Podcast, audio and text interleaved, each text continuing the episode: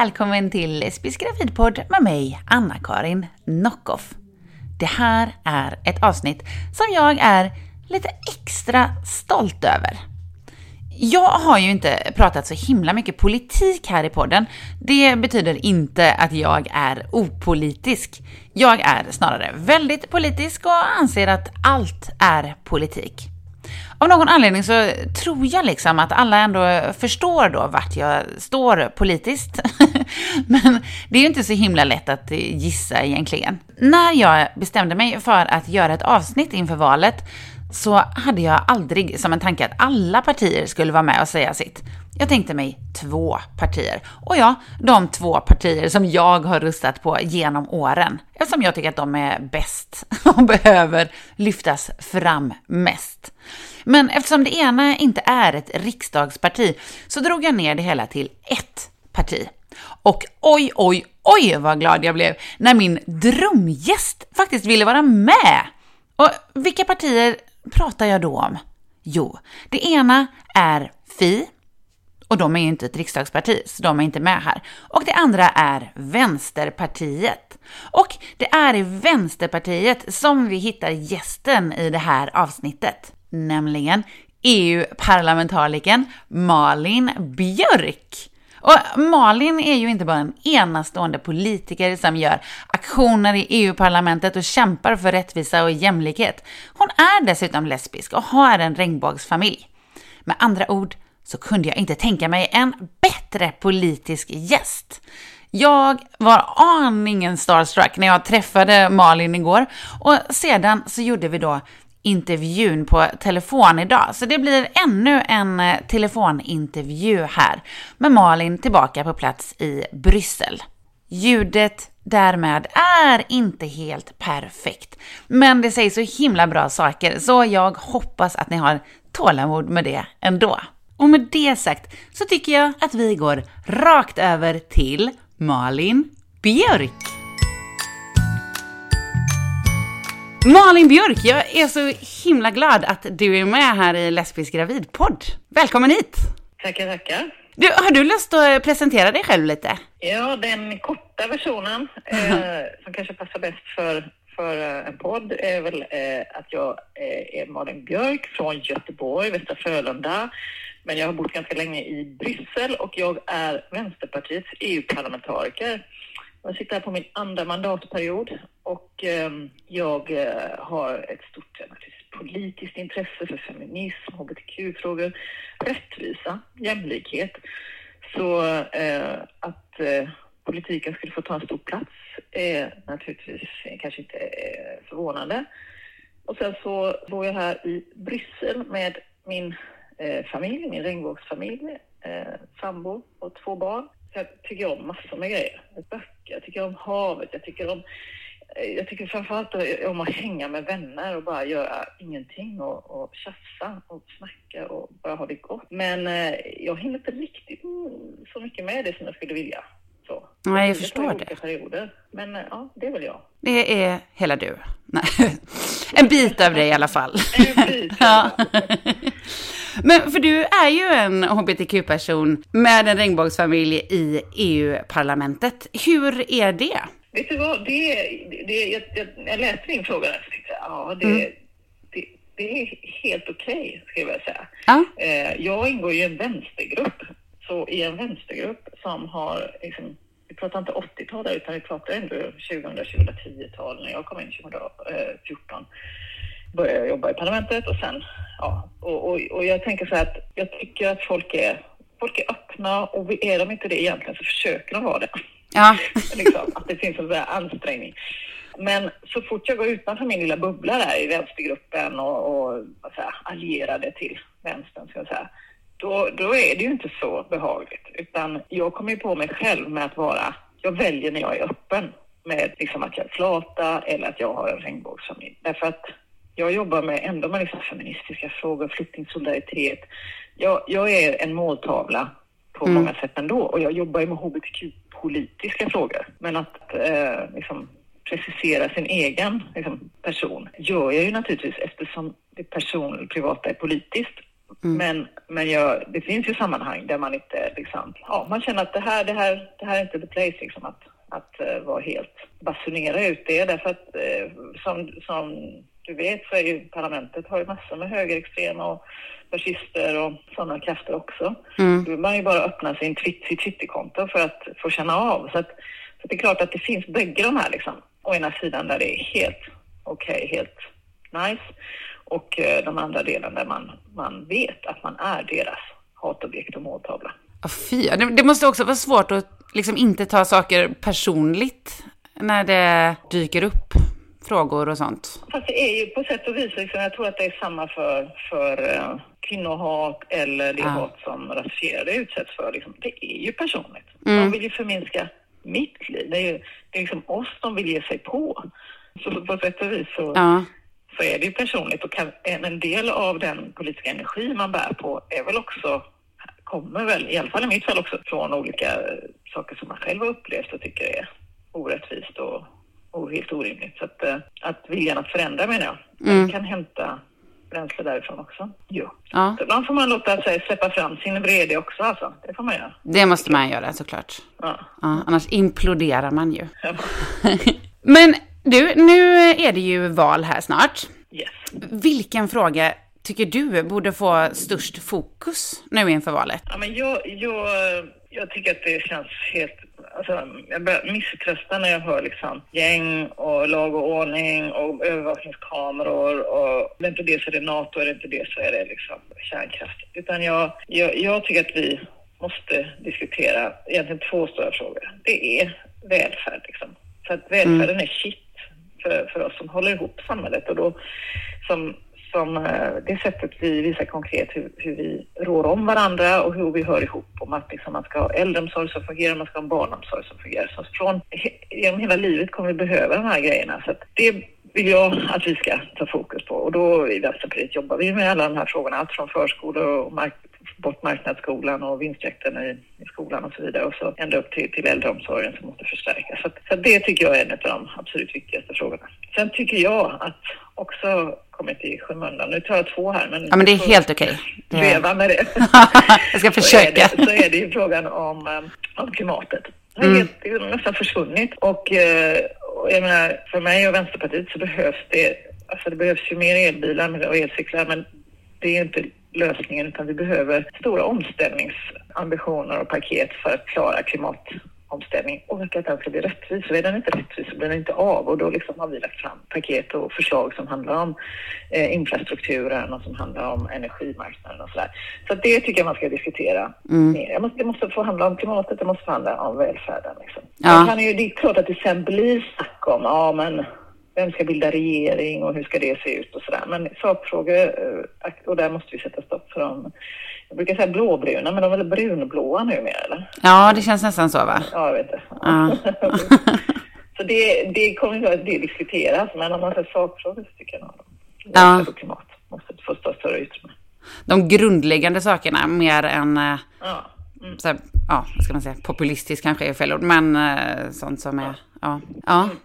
Vilk, finns det liksom någon fråga som du tycker är den eh, viktigaste hbtq-relaterade frågan just nu? Ja, men det är ju igen då väldigt svårt att välja en. Mm, men, du får välja jag, fler. Jag jobbar med de här frågorna. okay, men jag jobbar i EU-parlamentet med de här frågorna och då, då är det så oerhört tydligt att det hänger ihop liksom med eh, attackerna på kvinnors kroppar, attackerna på hbtqi-personer eh, och, och Eh, till och med attackerna demokratin då på något sätt. Alltså de här högerauktoritära krafterna som vill på något sätt släppa oss tillbaka till en tid där inte bara ja, auktoritära samhällen där man kontrollerar kvinnor och sexualitet på ett sätt som känns helt fruktansvärt. Mm. Och även om, man, om vi inte har sådana förslag på bordet här i, i Sverige så är det ju ändå så att vi har ett blåbrunblått eh, gruppering som vill regera Sverige och som har den här kvinnofientliga homofoba dagordning som ligger som en klangbotten tycker jag. Ja. Sverigedemokraterna men också då ett i KD och andra. Så det tycker jag är, att synliggöra det är en valfråga i sig, liksom att från ett hbtqi-perspektiv. Det, här, det här kan vi bara inte släppa igenom. Det här, det här lita inte på dem en sekund. Jag ser vilka de här krafterna samarbetar med ute i Europa. De kommer vilja trycka ner våra rättigheter. Tro inte något annat. De kommer hala regnbågsflaggorna. De kommer börja prata om mammor och pappor och liksom bli superessentialistiska vad det gäller kön och sådana saker. Det, det finns, det, och inskränka aborträtten och införa, införa sådana samvetsklausuler och sånt. Det vet vi att de kommer att göra. Så mm. det, trycka tillbaks det. Men sen så, mm. så här liksom rent eh, ju, andra så här lagförslag som vi i Vänsterpartiet skulle vilja jobba med. Så det handlar om flyktingpolitiken. Om inte den levererar för de mest utsatta flyktingarna och då är hbtqi-flyktingar eh, bland de mest utsatta, absolut. Mm. Då levererar inte flyktingpolitiken för någon. Så det är liksom som en mätare. Så det, det tycker jag är en jätteviktig fråga. Jag tycker att det här med tre, en, fler vårdnadshavare än två, juridiskt vårdnadshavare än två, eh, mm. om vi på allvar vill, vill eh, här, ta ställning för och uh, stötta och stärka olika former av uh, regnbågsfamiljer så är det jätteviktigt. Och sen unga hbtqi-personer som mår betydligt sämre än vad liksom generellt unga gruppen gör. Och då måste vi ha riktade insatser på det. Och eh, sen ligger ett lagförslag kring eh, könstillhörighetslagen där som vi skulle behöva förbättra men som naturligtvis måste eh, då vi få igenom och förbättra under mandatperioden. Så det är väl lite, jag vet inte, blev det fyra? Det kanske blir någonting sånt. Ska jag fortsätta? Nej, jag ska inte fortsätta. Okej. Okay. Jag klipper ner det till en. Nej, jag skojar. Ja, det är bra. Men... Ja, du får välja då. Ja, nej, jag tycker, det var, jag tycker det var jättebra alltihop där. Men när det då kommer liksom till familjepolitik för hbtq-personer, du var inne på liksom fler juridiska föräldrar och så. Mm. Men är det något mer som mm. du tycker behöver ändras på? Eller tycker du att det är bra som det är? Det är väl liksom, ja det, det tycker jag att man måste ändra på för att anpassa sig till en verklighet där, där liksom eh, hbtqi-personer inte alltid, och alla ska inte behöva kopiera en kärnfamiljsnorm. Liksom. Så även om man inte är mamma, pappa, barn så måste man vara mamma, mamma, barn eller pappa, pappa, barn. Och, eh, och det speglar inte heller hur många barn faktiskt kommer till. Att de, de, de eh, det finns liksom två pappor och en mamma eller två, mam två mammor mm. och en, en, eh, en, pappa och så vidare. Så det måste till stånd. Och sen så finns det bonusföräldrar och så vidare som också skulle eh, heterosexuella sammanhang som skulle tjäna på det här tror jag. Mm. Så det är, jag tror att det är viktigt att signera. Men sen så vad det gäller eh, regnbågsfamiljer i övrigt så, så, handlar det om bemötande mycket om att man ska ha, eh, att det ska vara inkluderande i, i förskolor och barnomsorgen och, och även i skolmiljöerna.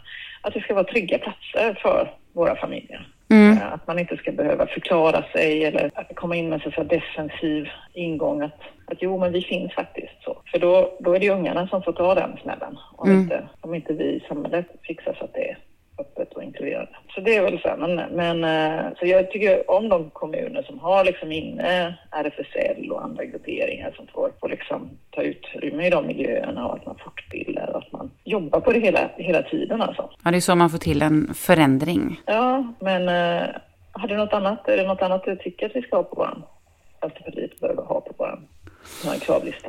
Nej, inte som jag kommer på så faktiskt. Alltså jag, jag vill ju i och för sig alltid att eh, de som använder en anonym donator ska få lite mer eh, samma rättigheter eller vad man ska säga som de som har en öppen donator. Men eh, ja. Mm. Ja, ja, men absolut, det ska inte spela någon roll. Och eh, jag kan känna att det som har gjort skillnad för, för mina barn eh, är liksom att det faktiskt, eh, att man har, det börjar ju med att man har lagen på sin sida. Mm. Eh, för då liksom antidiskrimineringslag, att, att man får vara juridisk förälder till sina barn så man inte liksom behöver ha, det här är min familj men den är inte juridiskt erkänd och så. Nej, precis. Men sen så, så och då, då måste ju i alla fall, alltså i rimlig offentlig verksamhet, i skolor och så här, så måste den ju, då måste ju verksamheten följa efter. Ja. Men jag behöver inte argumentera för mina rättigheter för de fick, finns faktiskt nedskrivna. De, fick, de liksom, och, och, och, mina ungar har rätt till samma bemötande och, och, om de utsätts för någonting, om de utsätts för någonting så måste liksom lärarkollektivet eller pedagogerna ta tag i det. Ja. Det känns ju, sen ska jag inte säga att de alltid har gjort det. Men, de, men, men, jag har alltid kunnat ställa de kraven eller liksom försöka ja, steppa in och, och, och säga något så här, får, får man inte ha det. Nej. De flesta, de flesta, de flesta lever ju i länder där man inte har rätten på sin sida. Det är bara att gilla, gilla läget när ditt barn utsätts eller du själv utsätts. Då. Ja, det är en väldig skillnad när man har grunden mm. liksom från samhället. Mm. absolut. Mm. Men eh, varför ska man som hbtq-person rösta på Vänsterpartiet, tycker du? Ja, men, alltså, alltså dels så är det så här, rent att vi har, våra track record är, liksom, vi var de första som jobbade med de här frågorna. Jörn Svensson mm. motionerade om samkönade äktenskap innan någon sen vågade tänka tanken på det. Och han stod upp för allas rätt att älska den de vill. Så att vi är en partner, pålitlig, liksom, politisk, parlamentarisk kraft i det här arbetet sedan början och har fortsatt att vara det utan svacka. Och mm. vi kom högst i RFSLs ranking de sista liksom, mandatperioden, hur vi har agerat, vad vi faktiskt har gjort. Och så kommer det naturligtvis fortsätta att vara. Det kommer ju vara vi som står upp allra starkast i eh, de parlamentariska rummen, vare sig det är på kommunnivå eller det är på, på riksdag, liksom, i riksdagen. Så jag tycker att det, det är solklart. Eh, och sen så tycker jag också att, jag menar vi hbtqi-personer, vi är inte gjorda heller liksom bara av en dimension utan man, jag, jag tror att våra, eller det, det är min djupa uppfattning att mina, min frihet hänger samman med andra människors frihet och att vi bygger faktiskt ett samhälle där, där alla får plats mm. och där, där människors olika behov tillgodoses. Och då, då, då är Vänsterpartiet det tydligaste partiet också i det liksom att vi står upp för rättvisa och jämlikhet för hbtqi-personer men också för andra delar av, av liksom befolkningen. Så att, och, och, det kan man inte liksom abstrahera bort. Att, men jag är en rik, eh, vit, eh, liksom, homosexuell man, så jag behöver inte bry mig om resten. Nej. liksom. jag, jag, jag tycker att det är motbjudande som liksom, inställning. Mm. Eh, så att Vänsterpartiet, om, om man är hbtqi-person och dessutom ser att, att ens egen frihet hänger, hänger samman med andra, att man också försvarar andra människors frihet och och eh, jämlikhet, då, då måste man också ta sig an andra politiska dimensioner i samhället och det gör vi i Vänsterpartiet, så det tycker jag absolut. Förutom mm. sen kan man läsa det som vi pratade om tidigare, hbtqi-politiska frågor vi driver. Men eh, Vänsterpartiet menar allvar liksom. Vi, mm. vi står upp för allas människors, alla människors lika värde. Bra. Ingen är fri förrän alla är fria.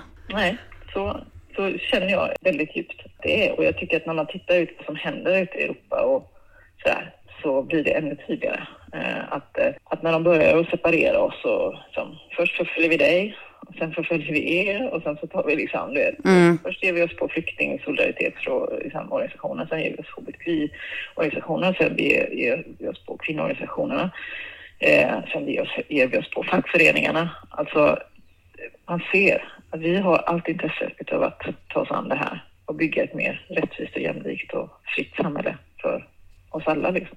Ja. Men finns det någon risk eh, för regnbågsfamiljer med att eh, rösta på andra partier? Tror du att om till exempel SD då skulle komma till makten ännu mer, att de skulle kunna dra tillbaka några av våra rättigheter? Det där gäller väl förresten KD såklart också. ja. Självklart, självklart. Mm. Absolut, och speciellt familjepolitiken tror jag de sticker i ögonen på dem som, som fasen. Liksom, att det här att uh, göra barn utan pappa eller liksom, att, att, eller att en ensamstående kvinna, oavsett hennes liksom, sexuella läggning mm. eh, eller könsidentitet, får eh, genomgå insemination och tillgång till det och skaffa, bilda familj. Det tror jag absolut ryker. Och sen så, att inte prata om, om olika inom kvinnors rättigheter och sådär. Så mm. att, eh, det, och det är också så att att än så länge i Sverige så är inte vi hbtqi-personer en måltavla för högerns populism. Men jag tror inte alls att det är så långt borta för krafter som Sverigedemokraterna och andra högerkonservativa krafter som vi kanske vill tro i Sverige. För ute i Europa så är vi måltavlor, liksom ett slagträ för andra saker. Ja. Man, man, man säger bara, ja, men om vi genomför Istanbulkonventionen då kommer minsann, då kommer vi vara tvungna att acceptera sådana jävla gayäktenskap. Mm. och så blandar man ihop allt, men, men, och huvudpoängen är ju inte ens samkönade äktenskap. Det är bara liksom, att begränsa kvinnors och hbtqi-personers liv. Ja. Så att, äh, jag, jag, jag, jag tycker att det finns en jättestor risk. Jag vill inte leva i ett blåbrunt liksom, äh, träsk. Nej. Jag, jag, jag, jag, tror inte att, eh, jag tror verkligen inte det är okej okay för, för min familj och för, för vårt community. Nej. Som du är rik, rik och, och man och vit. Ja. Men det är ju få förunnat. Du sitter ju i EU-parlamentet och har därmed en liksom större insyn i andra länders hbtq-politik än vad kanske jag och många andra har. Hur ser det ut i Europa nu egentligen? Det är en svår fråga. Alltså, den är inte så entydig som man skulle vilja hoppas att jag vill säga, kunna säga att allting går åt rätt håll nu och jäklar anamma. Utan det är så att om jag tittar ut under de åren som jag har jobbat i parlamentet och aktiv där så har det ju liksom fantastiska framsteg i länder på Irland, Malta och sådär. Mm. Och eh, även Frankrike var stenhårt. Alltså när det var den här, eh, man skulle möjliggöra för samkönade äktenskap och sådär. Men sen, så, så det har ju gått framåt i mm. många länder rent, rent eh, de facto. Men sen samtidigt så har vi den här liksom, växande högerauktoritära, konservativa, religiösa, kristna, katolska fundamentalisterna som, som faktiskt har, hotar hbtq-personer i länder som Polen, Ungern, Litauen och som, som ger sig på, som gör, gör oss liksom till sådana här scapegoats. Man använder oss som slagträn mm. för, för att liksom, försöka locka röster rent allmänt. Så, så Orban till han brydde sig inte om, han brydde sig inte om oss under många års tid. Det var liksom inga, det var inte en, en political issue för honom. Nej. Men nu har det blivit det, därför att han kan mobilisera sin väljarbas genom att säga, men gud, titta här, de, vill, de är allihop pedofiler och perverterar våra barn. Och, alltså, vet, det, är bara massa, det är så tokiga saker som sägs, men det spelar ingen roll. För det får folk att bli upprörda eh, och känna att nu går jag till urnorna och lägger min röst på honom. Mm. Som aldrig träffat en hbtqi-person i hela sitt liv kanske. Nej. så att, eh, så att jag, jag, och där är det ju, där jobbar ju jag stenhårt med de grupperna och med de, de, det communityt där för att, både Ungern och Polen och, så här, och Litauen och andra länder för att se att försöka vara ett stöd. För jag tror att det spelar väldigt stor roll med internationell solidaritet för de, de, de grupperna där och de organisationerna och de aktivisterna som, som jobbar där. Ja. Så att det går åt bägge håll ute i Europa skulle jag säga. och, och, och, åt bägge håll och kanske är det så att när vi tar vissa steg framåt för våra rättigheter så, så blir vi också mer, kanske mer synliga och ja, vi tar plats med våra verkligheter och våra liv. Och då så mm. helt plötsligt så poppar det upp på någon annans radar också. De ja. trodde att vi skulle sitta tysta och bara acceptera att, att uh, fortsätta bli diskriminerade. Så, så agerar de mer mot oss också. Men, men, och det hänger ihop med hela det här som, som vi pratade om, var det här brunblåa blocket hemma i Sverige. Att, att det blocket finns ute i Europa också. Och, och tyvärr så så låter många högerpartier de här hållas då liksom. Låter dem få, få använda oss som slagträn, mm. men ändå samarbeta med dem. Och det tycker jag är ganska sorgligt att se då. Det är väldigt sorgligt. Så som det då, liksom där det går, har gått bakåt, eh, eller inte så bra eh, ute i Europa. Skulle det kunna bli så i Sverige också, tror du? Vi har ju mycket starkare juridiskt. Eh, alltså då, då måste det till. I många av de här länderna så så har en väldigt eh, svagt juridiskt skydd för hbtqi-personer. Och, mm. eh, och innan man, om man ska ge sig på att ändra juridiken så måste man ju faktiskt ha majoriteter för det i de parlamentariska rummen. Så då, har, då har man ju ett skydd. Men vi har inte ett skydd mot alltså den ideologiska kraften i de här auktoritära eh, rörelserna. Och det tycker jag vi, det har visat sig med den glidning som höger, KD och Moderaterna har gjort nu. Mm. Och liksom hur, de, hur de lierat sig med SD och det enda som har hänt då är ju att SD har växt och blir största parti på den kanten ja. nu. Så att det, det var ju liksom, gick ju inte att radera ut dem med att försöka anpassa sig till dem utan tvärtom, nu har de här krafterna växt sig ännu, ännu starkare. Mm. Så att jag, men jag är ju inte så här, jag tycker att man ska absolut inte vara naiv men, men eh, det är klart att än så länge så vill ju, trots att man kan eh, ifrågasätta eh, hennes eh, uppriktighet så vill ju Ebba Busch tydligen gå i Pride-paraden. Det verkar lite dubbelt det där. Det ju, nej men precis, och då är det ju på sätt och vis ändå, det är en signal om att, att, att i Sverige så, så går det inte att sätta sig och trycka ner våra rättigheter. Nej. Och det, det är ju något bra i sig. Men, men som jag sa, jag tror inte att man ska vara naiv. Jag tror att om de här kommer till makten och, och eh, någon säger att för mig är det en viktig fråga att inskränka hbtqi-personers rättigheter, då är de här partierna kommer ge upp oss med en gång. De vill säga, ja visst, de, ger, mm. de kastar vi till vargarna. Mm. Så det tror jag. Men det pågår en, sån, en strid om, om väldigt grundläggande värden i Europa i, just nu vad det gäller respekt för mänskliga rättigheter, respekt för demokratin, respekt för rättsstaten. Och den kampen måste vi ju vinna, för annars har det ju svårt att försvara någonting. Vare sig det gäller mäns- liksom hbtqi-personers rättigheter eller det går inte att arbeta för klimatet eller någonting heller om man har liksom, en demokrati i fritt fall. Nej, sant. Men f- finns det liksom så här, går det att säga något land som är bäst och värst för hbtq-personer att leva i just nu i Europa? Ja, bäst. Uh, Bas baserat på dina insikter. Eller insi din Nej, men insyn jag- menar jag. Finns flera länder liksom som det känns helt okej. Det är okej att Mm. att- att- att bo här i Belgien där jag är. Irland tror jag är bra för där har de ju liksom ett uppsving och väldigt mycket, liksom det har blivit väldigt positivt där. Först så kom, fick man eh, ja till, eh, till samkönade äktenskap och adoptioner och liksom regnbågsfamiljer och sen så blev det ja till aborträtten och så det liksom, finns en väldigt så progressiv kraft där på något sätt så. Ja. Eh, så det finns flera länder. Så, men sen så tror jag också, sen så skulle jag vilja bo där det finns en vänsterregering så kanske man bor i Spanien eller någonstans. Mhm. men, men, eh, men jag tror att eh, länder som man inte vill, som jag tycker känns tufft eh, så, och där man inte till exempel vill ta med sina barn och gå en Pride-parad liksom. Nej. Det, det är ju Polen och Ungern och sådana länder. Där, där, för där är det, där, har, där, är vi, där är vi måltavlor, vi är scapegoats, vi, vi beskylls för liksom, hela samhällets förfall eller sådär. Så att, och då blir det ju, trycket blir så oerhört stort på våra kroppar och våra liv. Så att det, det, Ja. det är jävligt tufft för de som bor där och det är ju många som lämnar också. Det är ju många som lämnar, man orkar inte, man orkar inte bo kvar i den skiten.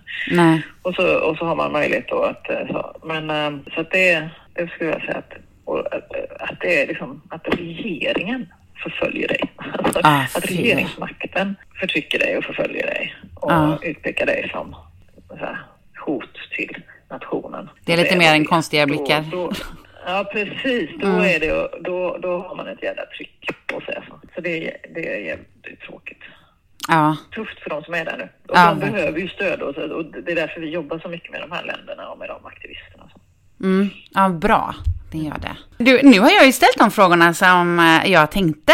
Är det, är det något annat som du tycker eh, borde vara med? Nej, förutom att jag tycker att det behövs mer hbtqi-personer i politiken och eh, vi ska liksom inte vara rädda att ta plats, ta plats med våra verkligheter och våra liv och, eh, och se oss själva i andra. Eh, då menar jag även utanför vårt community och, och för att jag tror att vi har, vi har en kraft i våra, våra liv och, och verkligheter som vi har skapat. Den tror jag, kan, jag tror att den kan inspirera andra. Jag tänker så här, att, men åh, gud vad många som går i parader och som vill vara med och som tjoar och tjimmar med oss. Jag tänkte så här, men det är för att det finns en kraft i det här. Liksom. Det finns någon slags sån, någonting vackert i det. Det, det, ska vi, det ska vi sprida, men också inte, som jag sa tidigare, eh, vi hänger ihop med andra och med varandra. Eh, och då måste vi ju ha en politik för, för alla, liksom, frigörelsen. Ja, bra. Så mer, mer, mer eh, skera människor och hbtqi-personer i politiken, tjoho! Ja, in med oss bara. Du Malin, tack så hemskt mycket för att du har eh, varit med i Lesbisk gravidpodd och lycka till nu i valet. Tack så hemskt mycket för att jag fick vara med. Det var jättekul. Jättekul att ha dig här. För att du har lyssnat på Lesbisk gravidpods valspecial. Och ett stort tack till Malin för att du var med och för allt du gör. Kom för guds skull ihåg att rösta. Det känns som att det inför varje val känns som att det nu är viktigare än någonsin. Men nu är det viktigare än någonsin. Mörka krafter växer sig ofattbart stora och de ska du såklart inte rösta på. Kom ihåg att ingen är fri förrän alla är fria. Tillsammans är vi starka och vi kan faktiskt få till en medmänskligare värld. Men då gäller det att rusta rätt. Utan att säga åt dig vad du ska rösta på, så kom ihåg att ett hjärta är alltid rött och hjärtat, ja, det sitter ju åt vänster. Lesbisk gravid